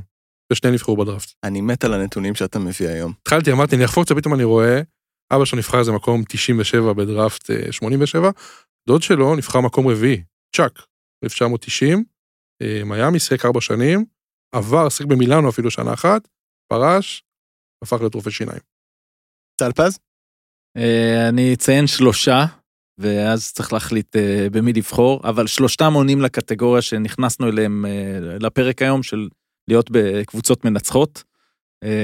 אחד זה בוק לופז במילווקי, שהעוגן, עכשיו זה קצת מצחיק להגיד עליו עוגן הגנ- הגנתי, כי עדיין בפלייאוף קבוצות יצודו אותו. זאת אומרת, ינסו ב pick and roll להביא אותו, ו... ויש את כל הסיפור של ה drop coverage, כאילו האם הוא הולך אחורה, נשאר, אה, יוצא, אבל עדיין הוא היה באזור הצבע הנהדר, ו... ובכלל קבוצה עם, עם, עם יאניס וג'רו הולידי, זאת אומרת שלושה שומרים. מעל אה, 1200 contested shots. כן. אחריו זה רק מובלי עם אזור ה-800, זהו, שתבינו אז- כמה משמעותי הוא היה. אז, אה, אז, אז השניים האחרים שלי זה מובלי, שהיה חלק מהגנה מספר אחת בליגה העונה, אז, אז קליבלנד, והשלישי זה ג'יי ג'יי ג'יי בממפיס, שאם היה משחק את כל העונה, אני מניח שהיה זוכה בטוח בתואר הזה. עכשיו אני מניח שזה יהיה אחד מה, מהשלושה האלה, אולי, אולי עדיפות ללופז. כן, ההפרש הוא 15 משחקים ביניהם. יערה, יש לך פיבוריט? כן, אבל אני משוחדת, אז אה, בחרתי במרקוס סמארט. כאילו, יכול להיות שאני לא אבחר מרקוס מבוסטון. סמארט. כן, כן. הוא זכה, כן, זכה שנה שעברה. כן, כן, אבל כל הדיבור סביבו השנה זה... דיברנו על- איך שחקן נוחת ככה, מ- מפיק כזה. תראה, איך שחקן נוחת מפי ככה, דיברנו על עניין של סיטואציות, אני חושבת שגם אצלו קצת משהו מסובב, אבל... אה, זה אצל מי לא יערה, אצל מי לא. ב-NBA קשה למצוא כאלה שלא, אבל הוא סטופר הגנתי. כשהוא רוצה, אז אה, הוא רוצה, והוא שחקן שמעליב אותי, אני אוהבת לראות שחקנים ש... שנולדו בשביל לשמור, והוא כזה. שחקן שמעליב אותך? מעליב אותי? לא, מלהיב. אה, מלהיב, מעליב, מלהיב. וואו, אוקיי, שמעתי מעליב. כן, לא. לא, אותי הוא לא לא, מעליב, כי יש כי לא דיברתי שחקנים איתו. אבל- שמעליבים אותי באופן אישי, כאילו, אז מי? אני... עזבי, שמות אחר כך. אוקיי. ברק? אני אמרתי. אתה אמרת, כן. אז אנחנו כיסינו את הקטגוריה הזאת לגמרי. אה, נעבור לקטגוריה הבאה, אה, והנחשקת ביותר, MVP. הסיפור הוכרע, זהו, המשחק מול בוסטון קבע את אה, זהות המנצח, טל פז? בגלל שטחנו את הנושא הזה. כן. כל כך הרבה, ברור. בוא, בוא נסכם שאני מניח שאמביד ייבחר, אה, ו, ומבחינתי טוב שכך כדי שזה ירד מסדר היום. אני, אם אני הייתי צריך להצביע, סיכוי טוב שהייתי ברגע האחרון הולך על יאניס. על יאניס. כן. בגלל התמה שלנו. נכון, נכון. אבל זה בסדר, הוא לא ייבחר, אה, זה, זה יהיה בין יוקיץ' לאמביד, ואני מאמין שאמביד ייקח את זה. ברק, בגלל שאתה היחידי שלא שמענו אותו על הסיטואציה הזו? מבחינתי שלושתם אותו דבר. כאילו זה ממש, אתה יודע, זה על חודו של... אה, אז אותו אם- דבר? אבל, אבל רגע, אם שלושתם אותו דבר, אז תן לאמביד כבר, כי הם אז זה מה קיבלו... שאני אומר, כי הם כן. קיבלו די, בדיוק... תיתנו לו כדי שישתוק. כן, בדיוק. אה, גם די. סיבה מאוד טובה. בסדר. כן. אני אניס. כי... כאילו, אני אוהבת מילווקי, כן? אני הולכת להיפגש איתם. אבל הוא מדהים אותי. הוא פשוט מדהים. ומבחינה מספרית, אגב, אה, דווקא בשנה הזאת יוקיץ' צריך לקחת, בעיניי. אה, אבל אה, הם קבוצה מנצחת, וזה זה מה שאנחנו מדברים עליו היום, אז, אז יאניס. אני, אני אגיד דבר אחרון פה, שקודם כל בקרב בין יוקיץ' לאמביד, בסופו של דבר המאזנים הם, אני חושב שפילדלפיה אפילו עם משחק אחד יותר טוב מ- מדנבר, אז כל הזמן הטיעון היה, 54-28 לפילי, שדנבר מהצ- מהצד השני עם 53-29. כן, אז כאילו כל הזמן היה כאילו את הטיעון שיוקיץ' ודנבר אה, מאזן הרבה יותר טוב, אז הנה בסופו של דבר גם בנושא המאזן. אה, רק להגיד שבדיונים בארצות הברית, מי שכאילו באמת כן בא לו לצלול לתוך זה, נכנסים המון המון הסטטיסטיקות המתקדמות לדיונים האלה, efficiency, ב- ו- ויוקיץ' כאילו מוביל באפישנסי כן. בענק, כאילו בענק. זה מטורף מה שהוא עושה. עכשיו, מי שנגדו בא ואומר שהוא זורק מעט בשביל שהאפישנסי יהיה גבוה, ואז על זה אה, הטיעון שלי זה שהם מנצחים, אוקיי? ו- ולכן, ו- ואחרים יותר טובים בזכות זה שהוא זורק פחות, ואירון גורדון צריך לתת לו חצי מהצ'ק אה, כל, אה, כל שבועיים. אז, אה, אז בגלל זה, אני חושב שזה שם. יש עוד איזה את הטיעון של אמביד שומר יותר טוב, זה ברור שהוא שומר יותר טוב, אבל גם פה הסטטיסטיקות המתקדמות מראות שיוקיץ' שומר יותר טוב ממה שחושבים. זהו. אגב, אני רק לגבי, סוגר את הדיון הזה, אני חושב שליוקיץ' חסר, חסרה הגרוש, אה, חסר הגרוש ללירה, שבעצם הוא לא סיים עם עשרה אסיסטים בממוצע למשחק העונה, רק עם ואבוי. 9.8. אין מה לעשות, במרוץ כזה צמוד, עוד שנייה, כזה מכניסים גורלי. לסטטיסטיקות האלה מי נושם יותר טוב, תגיד, זה... זה יהיה אוקי אסיסט בקרוב, באופן רשמי, אני אומר לך. אז הוא לא השלים את זה, וגם שהיו את הדיווחים שהוא הוריד את הרגל מהגז, אנחנו ראינו את זה. כן, בשבועיים, אבל שלושה האחרונים של יותר העונה. אפילו, כל מרץ, אה, כל מרץ. ורק משהו קטן לגבי המרוץ הזה, אם אה, MVP, אה, אמביד זוכה ב-MVP, הוא בעצם יהיה ה-MVP השני בהיסטוריה ששיחק מתחת ל-71 משחקים בעונה של 82 משחקים. אוקיי. היחיד שעשה את זה לפניו זה ביל וולטון בעונת 77-78. הכי אז חשוב, יש לזה פקטור משמעותי, המשחקים. הכי חשוב, במיוחד בדיון לגבי אמביד ויוקיץ', זה מה יהיה בפלייאוף. זהו, הפעם יש ציפייה לראות משניהם, מאחד מהם, ריצה עמוקה לתוך הפלייאוף, לפחות גמר אזורי. אני לא רוצה שנדבר על חמישיות העונה בצורה מלאה, אני רק אעלה פה שאלה לדיון. האם לוקה נכנס בחמישייה הראשונה של העונה? כן. אני אגיד לך למה בסופו של דבר כן, כי לא מצאתי אה, מישהו, זאת אומרת, יש, יש בעיניי שתי אופציות לעשות את החמישייה, לפי positions ובלי positions. משנה הבאה זה בלי בלי, positions, מהשנה זה עדיין, אבל אנחנו פה עושים מה אתה שבא לנו. יודע מה, יאללה, תשבור את. הכלים, אז תשבור. אם, אם אין positions, אז אנחנו לוקחים את שלישיית ה-MVPs שדיברנו עליה, יאניס, יוקיץ', אמביד, כולם בחמישייה. אני מוסיף את טייטום לחמישייה, ועכשיו מי החמישי? ולכאורה, כאילו, לוקה אמור להיות החמישי, אוקיי? זאת אומרת, מבחינת המספרים, כן מאוד מאכזב, שוב, העובדה שהקבוצה הזו בסוף לא הגיעה לאן שהייתה צריכה להגיע, ואפילו לא קרוב לזה. אה, אם לא לוקה, אז זה יכול להיות שי גילג'ס אלכסנדר, אני יודע שזה אולי קצת קפיצה, אה, אבל בעיקר כי דווין בוקר וסטף קרי שיחקו 56 משחקים ו-53 או 4 משחקים ואנחנו בהתאמה. גם בעד תחרותיות. הרי בסופו של דבר ה-SGA עשו play-in, נכון, אבל כולה עשו play-in גם, אז מצד שני, גם בואו לא נקפוץ אותו יותר מדי, ו- וסטף נתן עונה נהדרת, וגם בוקר נתן עונה נהדרת, פשוט שניהם היו יותר מדי זמן בחוץ. אז, אה, אז בסופו של דבר, עכשיו, אם אנחנו כן הולכים עם positions, אז צריך לבחור בין אמביד ליוקיץ' אה, אה, בחמישייה. בואו, בשביל הדיון עכשיו נשים את אמביד, אה, יאניס, אה, אה, ברור, טייטום ויאניס הם ה forwards. ואז בגארדים זה כנראה לוקה וסטף, אני מניח שזה בסופו של דבר מה שיהיה, גם הרבה יצביעו לסטף, כי יודעים שמהעונה הבאה אתה חייב את ה-65 משחקים, אז יהיה להם צ'אנס אה, לתת לו את זה. אז אני משהו דומה לשלך, לקחתי יאניס, טייטום, אה, לוקה, יוקיץ', אני לא שומרת חסד לאמביד, ודונובל מינצ'ל. דונובל מיטשל. למה וואו? כאילו... לא, לא, הוא הולך להיות אחת מחמישיות זה- ה-NBA. לא, אחת אה, מחמישייה, לא, חמישייה ראשונה. ראשונה, הוביל ראשונה. אה, קבוצה למקום רביעי, במזרח שקשה אה, השנה. אז למה לא דיארון פוקס? אה, לא יודעת, כן, יותר אוהב את הבחור הזה. זו התשובה שהכי אהבתי היום בפודקאסט. אה, אנחנו נעבור לקטגוריה הבאה, וזה הרגע של העונה הסדירה. אני רוצה רגע מכל אחד מכם, שזה מה שהוא יזכור מהעונה הזאת. ברק, נתחיל איתך. אני, שוב, בגלל שזה הכי קונקרטי, את המשחק האחרון של דאלאס. זה כאילו, זה מסכם לי את כל התרבות האמריקאית במשחק אחד. בעיקר, עזוב את החמישה שחקנים שמו בחוץ, בעיקר הסיפור עם לוקה. אתה מכניס אותו לרבע אחד, מוציא אותו פתאום. מה זה? כאילו, אל תיתן לו לשחק. כאילו מההתחלה, מה אתה נותן כן, לשחק ולהחזיר? אתה צודק להכל, אבל פשוט לקחת את זה כרגע, זה קצת להיות אה, הייטר. נכון? אה, בסדר, נכון. זכותך. אנחנו. גם אוהבים הייטרים. אין בעיה, והייטרים. אוהבים. אותנו. פשוט זה ממש, בשביל מה יש לנו את שקדי? זה היה לך קשה. כן. אני בחרתי את, אה, את הרגע שבו לברון אה, עבר את קרים, והוא הקלעי הגדול אה, בכל הזמנים ב-NBA. אבל אני הייתי שם, למה את לוקחת לי את זה? סליחה. אז סתם, סתם, סתם. סתם, לא, לא, לא. אה, לגמרי רגע ענק, כיף שיצא להיות אה, באולם ברגע שהוא קרה. אה, זה לא ספק גם הרגע שאני אקח מהעונה.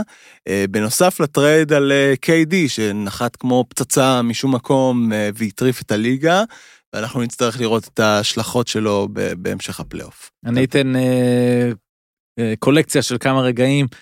חשבתי על זה, ואני אומר, מתי היה הרגע שאתה קם בבוקר, וגם אם ראית בלייב או לא, ואתה יודע, יש פה, היום ידברו על זה.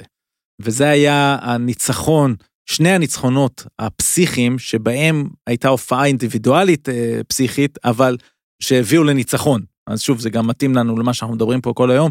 דונובין מיטשל עם ה-70 נקודות שלו בקליבלנד שם, קאמבק אה, ו- וניצחון אה, אדיר, הוא כלה שם הכל, ב- מה זה הערכה, הערכה, ו- כן. בכל הסיפור, אז, אז, והיה שם משהו דומה גם עם החטאת עונשין, שלוקחים את הריבאונד, אז אה, זה, וכמובן לוקה עם ההצגה שלו, כמה זה היה? 60 אה, נקודות, מול אה, הניקס שהם חזרו מ-11 הפרש ב-30 ומשהו שניות, ולראות את השמחת חיים של לוקה אחרי ה... הריקוד הזה שהוא רקד אז אחרי שהם ניצחו, לקחו, שלחו את המשחק להערכה, זה היה בדיוק הפוך לאיך שהעונה נגמרה מבחינתו.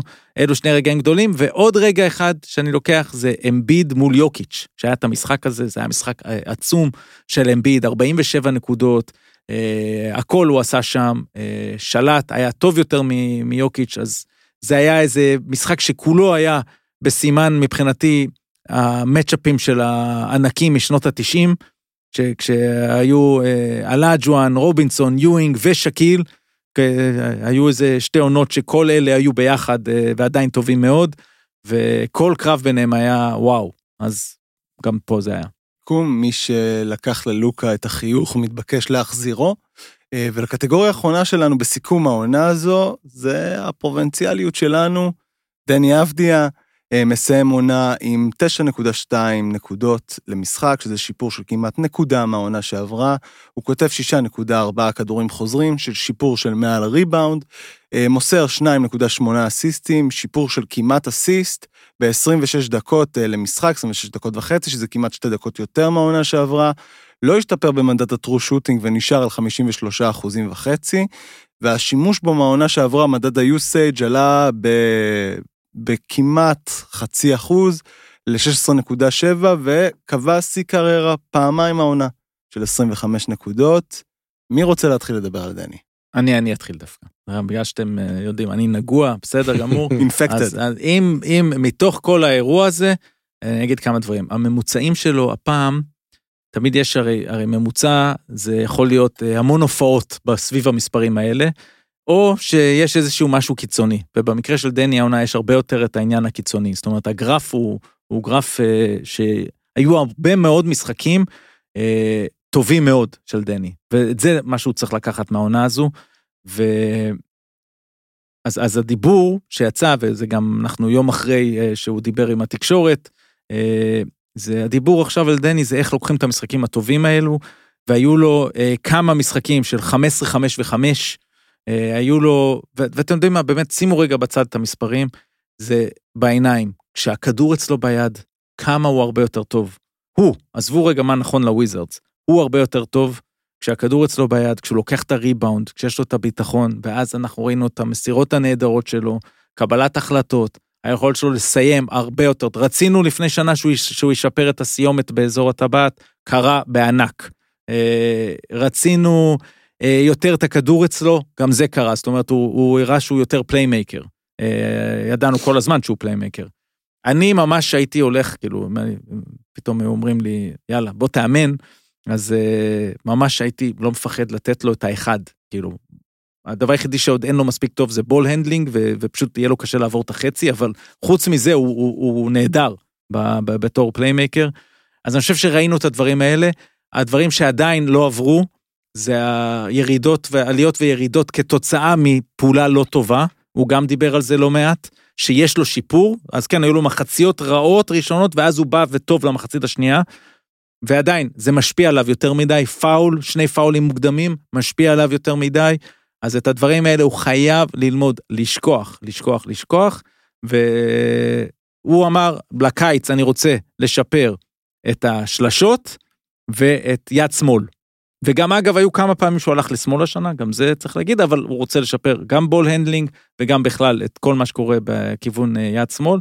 ואני רוצה לזרוק סתם איזה, כל הזמן אנחנו עושים השוואות, אה, כאילו מי, מי דן יכול להיות בליגה, אה, לא מעט שחקנים, אבל אחד שעשה קפיצה, ש, שאני אשמח לראות אותה מדני, זה אחד שטיפה מושמץ בימים אלה, ג'יידן מקדניאלס, שא' שומר, החובט בקירות. החובט בקיר, שחבט בקיר, זה גם, אנחנו כל פעם סוטים פה, לא כך ברור על מה הוא חבט בקיר, הייתה לו מחצית ראשונה רעה ב, ב, במשחק הזה של מינסוטה, אבל בירידה לחדר הלבשה, חבט בקיר, שבר את היד, גמר את העונה, כן? אז אה, הם צריכים אותו. אבל ג'יידן מקדניאלס הוא שומר אדיר, אה, בחירה אגב 28 באותו דראפט של דני, אה, ממדי גוף דומים, הוא 6'9, שומר על כל העמדות, ושיפר את הקליעה שלו מהשלוש. בעונה הקודמת הוא היה על 31 אחוז, והעונה הוא 39 אחוז. אז דני, אני עדיין לא רואה סיבה, לא חושב שהוא יכול להגיע ל-39, אבל לא רואה סיבה שהוא לא מתייצב על 35 אחוז. טוב, החדשה המרכזית אה, אצל דני זה שהוא לא עוסק בנבחרת ישראל בקיץ, לפני שמתחילים לדבר על אה, סיכום עונה, הוא אמר את זה בשיחה שלו עם התקשורת האמריקאית, שאלו אותו. הוא אמר probably not. כן, זה, אם אומרים probably זה כנראה שהמועדון אמר לו, אני מאמין. וזה מבאס מאוד כי יש אה, טורניר קדם קדם אולימפי, שהוא היה יכול להיות מאוד מאוד משמעותי שם, אז זה קודם כל. לגבי העונה, אותי היא לא מאכזבת, היא יותר מבאסת. כי כל הדברים שאמרת שהוא עושה וזה, הוא גם עשה את זה שנה שעברה לדעתי. אולי במינונים פחות, כי ברדלי ביט שיחק יותר, או שחקנים אחרים שיחקו יותר. אני חושב שהוא לא התקדם השנה. הוא לא התקדם אה, בכלל. אה, היו לו משחקים גדולים, והוא הראה את אותם דברים שהוא הראה שנה שעברה. ופה אני חושב שבכלל צריך ללכת למקום אחר, למקום של הקבוצה. אני לא יודע איך זה עובד מבחינת החוזה, כאילו שנה הבאה יש לו חוזה ואז צריכים להאריך לו, אני לא פחות מבין בעניינים האלה. אה, או שהקבוצה צריכה לעשות מעשה, שהיא כבר עשתה אותו באמצע העונה עם רויות שימורה שהעבירה אותו והם אמרו שכדי שדני ישחק יותר ולא יותר משמעות. לשחרר את אחד השחקנים, אם זה קייל קוזמה או ברדלי ביל, שזה נשמע קצת פנטזיה מבחינתנו, כי אנחנו מאוד אה, פרובינציאליים. אה, אבל אני לא רואה משהו משתנה אצלו בוושינגטון שנה הבאה, אלא אם כן יהיה איזה טרייד שייתן לו באמת את הכדור בידיים כמו שכולנו רוצים. אה, אז תודה רבה על העונה הסדירה של 22-23, היית מקסימה אלינו. אה, וכאמור, היום, היום בלילה מתחיל ה play-in, נעשה קצת סדר. אז אה, המפסידה בין מיאמי לאטלנטה תפגוש את המנצחת בין טורונטו לשיקגו. מיאמי ואטלנטה משחקות היום בשתיים וחצי, וטורונטו ושיקגו מחר בשתיים. המפסידה בין המשחק בין הלייקרס למינסוטה, תפגוש את המנצחת בין ניו אורלינס לאוקלהומה, לייקרס מינסוטה קורה היום בחמש בבוקר. בעצם ב- ביום, שאתה אומר היום, אנחנו מקליטים בשלישי. בשלישי, בין שלישי. ברביעי בחג פה, אוקיי, חמש בבוקר, תקומו מוקדם, לייקרס מינסוטה על אה, מי תהיה שביעית ותשחק מול ממפיס. נכון. ב- בסיבוב הראשון. והמפסידה באותו משחק תשחק בין המנצחת, בין ניו אורלינס לאוקלהומה. הסדרות הידועות בפלייאוף, בואו נעשה גם סדר בעניין הזה. הפלייאוף ייפתח ביום שבת, בשעה שמונה במשחק פילדלפיה נגד ברוקלין, שגם יהיה כיף גדול. אה, אחרי זה ימשיך אה, בעשר וחצי למשחק של בוסטון נגד מי שתסיים במקום השביעי במזרח. נגיד מיאמי. כן, אחר כך באחת, קליבלנד נגד ניו יורק. רגע, אני שמעתי שם לא בטוח, אנחנו נגיע לזה עוד רגע. ובעצם המשחק האחרון של יום שבת יהיה סקרמנטו גולדן סטייט, ביום ראשון יתחילו הסדרות של מילווקי מול מספר 8 במזרח, דנבר מול מספר 8 במערב, ממפיס מול מספר 7 במערב וקליפרס פיניקס. קליפרס פיניקס מנוחה ארוכה, כולם עובדים על השרירים של קוואי וקיי-די כדי שיהיה לנו כיף גדול. ופול ג'ורג' אמור מתישהו להגיח לא, בסדרה הזו. אני לא יודע אם זה יקרה, אני באמת לא יודע, אני רוצה אבל שנתעכב בזמן שנשאר לנו על ה play-in. ושני המשחקים הראשונים של היום, מיאמי אטלנטה, אני שמעתי לא בטוח מכיוון יערה, ואני רוצה לבדוק את הלא בטוח הזה. כן, אני חושבת שעל הנייר, צודק, מיאמי צריכים לנצח, אבל מיאמי השנה לא הראו שהם מגיעים וזה ניצחון בטוח. זאת אומרת, אה, דווקא יש תחושה שאטלנטה אה, ינצחו. אני אשמח לקבל את שניהם, אז לא אכפת לי. אני רוצה את אטלנטה בגלל טריי יאנג. אני מת עליו בפלייאוף, הוא מביא סיפורים בפלייאוף. אתה אוהב trash talker ים. כן, מה שהיה בניו יורק, הוא מדהים. אני... אני לא מאמין לך שאת רוצה את מיאמי, את אומרת את זה, אבל אה, ג'ימי, פלייאוף ג'ימי זה משהו אמיתי, ואני חושב שאטלנטה תרגיש את זה. אמרו לנו שנה שעברה אה, שנעוף בסיבוב הראשון בברוקלין, ואז כן. שמעתי שנעוף בסיבוב השני מול מיאמי, ואז שמעתי שנפסיד למילווקי. אוקיי, ו- בסדר, והיא באה עם swag. ותיתנו את כולם. היא באה עם ה swag. באה בטוחה, אהבתי את בסדר זה. גמור. אה, אז מיאמי עם אה, באטלר ועם אה, באם אדבאיו. אה, אני מסכים אבל... ש- וטיילר, וטיילר הירו. ו... יותר טובים, ו- אין אין ספק. טובים, ו- ואפילו יהיה מעניין לראות קייל לאורי עכשיו בתפקיד כזה שהוא עולה מהספסל וכבר לא מצפים ממנו להרבה. אני חושב שהוא הוא תמיד שם, זאת אומרת, הוא יביא כמה דברים חשובים. נכון, היה, כבר כן. לקח. כן, כן, לא, אני אומר גם ספציפית, אני חושב שהוא כן בנוי לאיזה משחק פתאום של 12 ואיזה שבעה אסיסטים ולוקח איזה שני תוקף אה, חשובים שם, אה, כמו שהוא יודע לעשות, ועושה מה שנקרא winning plays, וזהו, נראה לי, למרות שעוד פעם, אטלנטה עם טריי יאנג זה, זה לא out אה, קל, אה, קווין סניידר מאמן מצוין שהגיע לשם אה, במהלך העונה הזו, אז יהיה קבוצה אחלה משחק. מאוד מתסכלת, ואגב, אם מישהו רוצה לראות בליץ שלא נעשה מאז המאה הקודמת, מוזמן לראות את הטיפול ההגנתי היום בטריי יאנג. אה, המשחק השני שהולך לקרות הערב, הלילה, הוא הלייקרס נגד מינסוטה. מינסוטה, כמו שאמרנו, בלי רודי גובר, בלי ג'יידן מקדניאלס, בעיקר עם קרל אנטוני טאונס ואנטוני אדוארדס, יפגשו את הלייקרס בבית, הלייקרס הקבוצה עם המאזן הכי טוב מאז ה trade deadline בליגה, והכי טוב במערב מאז פגרת האולסטאר. האם יש סיכוי למינסוטה? קודם כל, תראה, אני חושב שהם יפסידו, אבל אנתוני אדוארדס הוא כל כך טוב, ו- ושוב, היה שם משהו, ב... אתה רואה אותו פתאום, ויש לו את הגודל הזה שלו בשביל, בשביל שתיים, אוקיי? בשביל שתיים בליגה הזו, הוא, הוא לא רק אתלט על, הוא, הוא פתאום אומר, אני רוצה את הכדור. פשוט הכדור הזה שלי, ולא משנה שכרגע יש שחקן אחר עם הכדור. ואני חושב שהוא הולך אה, לתת הצגה אה, במשחק הזה. לא, לאו דווקא מבחינת אחוזי קליעה, אבל אה, רק נגיד שהוא היה עם ארבע חטיפות וארבע חסימות במשחק האחרון, באותו משחק. ושוב, רובן בקלאץ'. עכשיו גם היו לו שמונה איבודים, אז, אז שוב, זה עדיין, עדיין, הוא עוד לא השחקן המושלם, אבל מאוד מעניין יהיה לראות אותו בסיטואציה כזאת של סף פלייאוף. הלייקרס, כאילו לברון בא והכתיר את עצמו אחרי ה... ש... שקבר שלשה שישית נדמה לי במשחק האחרון אה, שקבע שהם יסיימו במקום השביעי וכל הכבוד להם על הריצה האחרונה ודיברנו על אוסטין ריבס וכמה שהוא נהדר ואנטוני דייוויס ששומר והכל.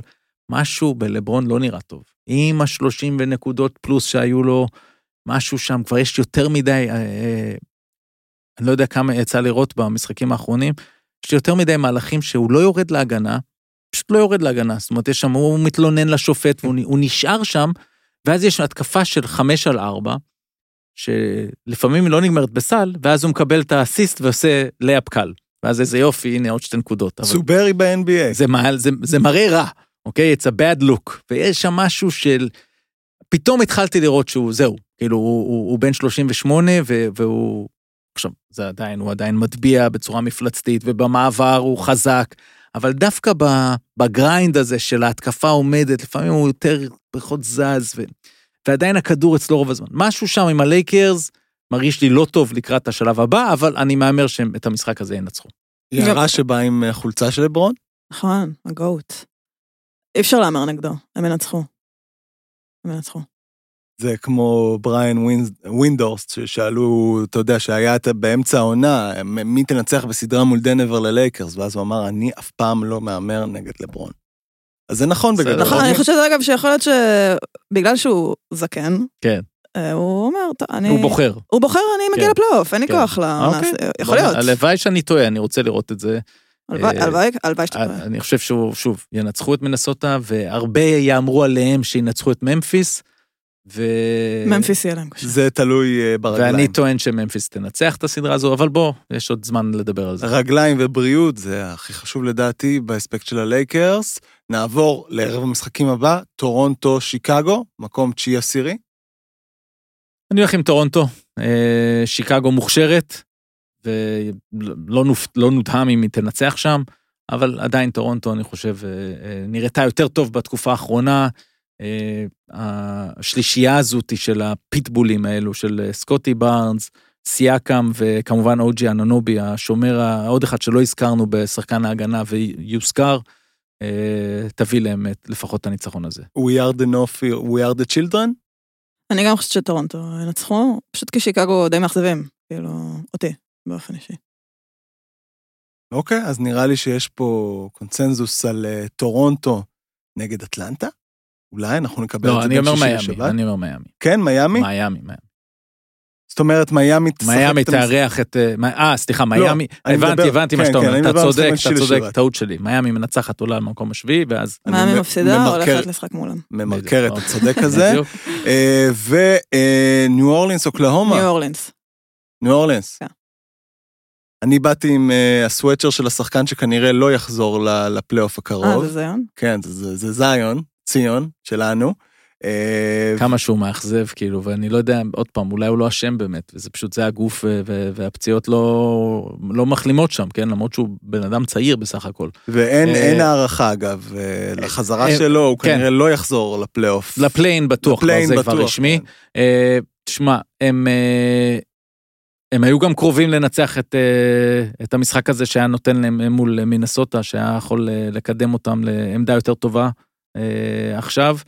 בסופו של דבר אה, לא עמדו באמת מול אה, אדוארדס וטאונס במשחק האחרון. אה, ברנדון אינגרם אמרנו כבר כמה פעמים אה, נהדר, טריי מרפי השלישי מצוין, סי.ג'יי מקלום מפתח. לא מספיק טוב בתקופה האחרונה, הם צריכים אותו יותר טוב אה, כדי לנצח את OKC שתבוא, שוב, חופשייה ומאושרת ומסוכנת. SGA עושה 50 נקודות וזורק את ניו אורלינס? לא, הוא לא עושה אבל 50, הוא לא, הוא לא צריך להגיע לשם. אבל הוא קבוצה, יכול להגיע. הוא יכול, אבל הם קבוצה קבוצתית, אני לא, לא, לא רואה אותו מגיע להופעה. ושוב, כמו שאמרנו קודם, זה- גם נוח להגיע כאנדרדוג, אני חושבת כן, שהם כן כן. מגיעים כאנדרדוג כן. למשחק הזה. אה, כן, ומי את חושבת ש... אמרתי, ניו אורלינס. ניו אורלינס. זה מעניין מאוד, אנחנו בין שישי לשבת נקבל בעצם את שני המשחקים האחרונים שיכריעו את אה, זהות העולה השמינית לפלייאוף. אנחנו מחכים בציפייה. הגענו לפינה האחרונה שלנו, פינת דעה ב-24 שניות, פינת שוט שלנו, נותנים דעה אה, חתרנית או שלא, ונותנים בראש בעיקר. ברק, אתה האורח, אז נתחיל איתך. שוט. זה אולי חתרני, אבל אני חושב שזה ראוי. מאמנת אישה בליגת העל הגיע הזמן. שנה הבאה הולכים לפחות אה, שלושה שינויים בליגה. פועל חיפה, שרון דרוקי כנראה לא ימשיך, גיא גודס בחולון גם לא ימשיך, ואולי אורן אהרוני בבני הרצליה. יש שם איזה משחק כיסאות, שירה העליון, נעמי קולודני, אחת מהם, די, מספיק, זה גם יוסיף לליגה, כאילו עניין וזה, הליגה קצת תקועה מבחינת העניין סביבה, זה ממש יוסיף. יערה, שוט. אז אני אתחבר למה שדיברנו עליו קודם, על בן שרף. ראיתי איזשהו דיווח שכרגע יש מריבה אם הוא ישחק בעתודה או בנבחרת הנוער. עתודה. די, אה, כמו שטלפז אמר קודם, שחקנים שהם מספיק טובים בגיל הזה, צריכים לשחק בבוגרים, ואין צורך בכל השטויות האלה של נבחרת נוער, לשחק בשתי נבחרות וכל הסיפור הזה. נבחרת עתודה. טלפז שוט. הפציעות של ג'יילן אדמס ופויטרס, בסופו של דבר, אה, סידרו בעיניי את הרוטציה של מכבי תל אביב. אה, יוצא לי להגיד פה הרבה שנים שאני חושב שהם לא צריכים להביא תשעה זרים, ובזכות מה שקרה, זה הם משחקים עם חמישה פלוס היליארד, שזה שישה, ואז שלושה ישראלים בולטים, ו, ושוב, וזה סידר להם את כל הרוטציה, גם בליגה, אין יותר את הדילמות, וכולם יודעים מה הם צריכים לעשות, זה חלק גדול מהריצה של מכבי תל אביב בזמן האחרון. אגב, ויש מצב שאלכס פויטרס עוד יחזור העונה. ואני לא אומר. שזה טוב להם אם הוא יחזור, אבל אני רק אומר שלא צריך את כל העומס הזה, ולך עם אותם שחקנים, תנסה כמה שיותר שתהיה קבוצה דומה בין הליגה לאירופה. אני רוצה לדבר על הדיווח שדני אבדיה לא ייקח חלק מהקדם קדם אולימפיים, המשחקים הקדם קדם אולימפיים בקיץ הקרוב. אה, אני חושב שאם סיימת את העונה באפריל ואתה הולך להתחיל אותה באזור ספטמבר, יש לך מספיק זמן לעבוד על היכולת האישית שלך אה, ולפתח אותה כמה שאתה רוצה. לא יפגע אם תבוא ותעשה שלושה משחקים ותתרום למדינה שבמילא מאחוריך בפול פאוור. אז דני, בוא לנבחרת, כי אנחנו רואים ששחקני NBA רוצים לבוא ולייצג את הנבחרות שלהם, שום דבר לא עוצר באדם. ככה, זו, זו דעתי על המקרה הזה. אה, מישהו רוצה להוסיף עוד משהו לקראת סיום? שתיקה רועמת. חג אה, שמח. חג שמח, חג שמח שמח. לכולם. תודה רבה לכל מי שהאזין, תודה רבה לך, ברק. אנחנו. שמחים לארח אותך תמיד. תודה, יערה. תודה, טל פז. שבוע הבא, כנראה, כנראה יחזרו אלינו אל חסיד ושקדי. ותשמרו על עצמכם. ביי ביי.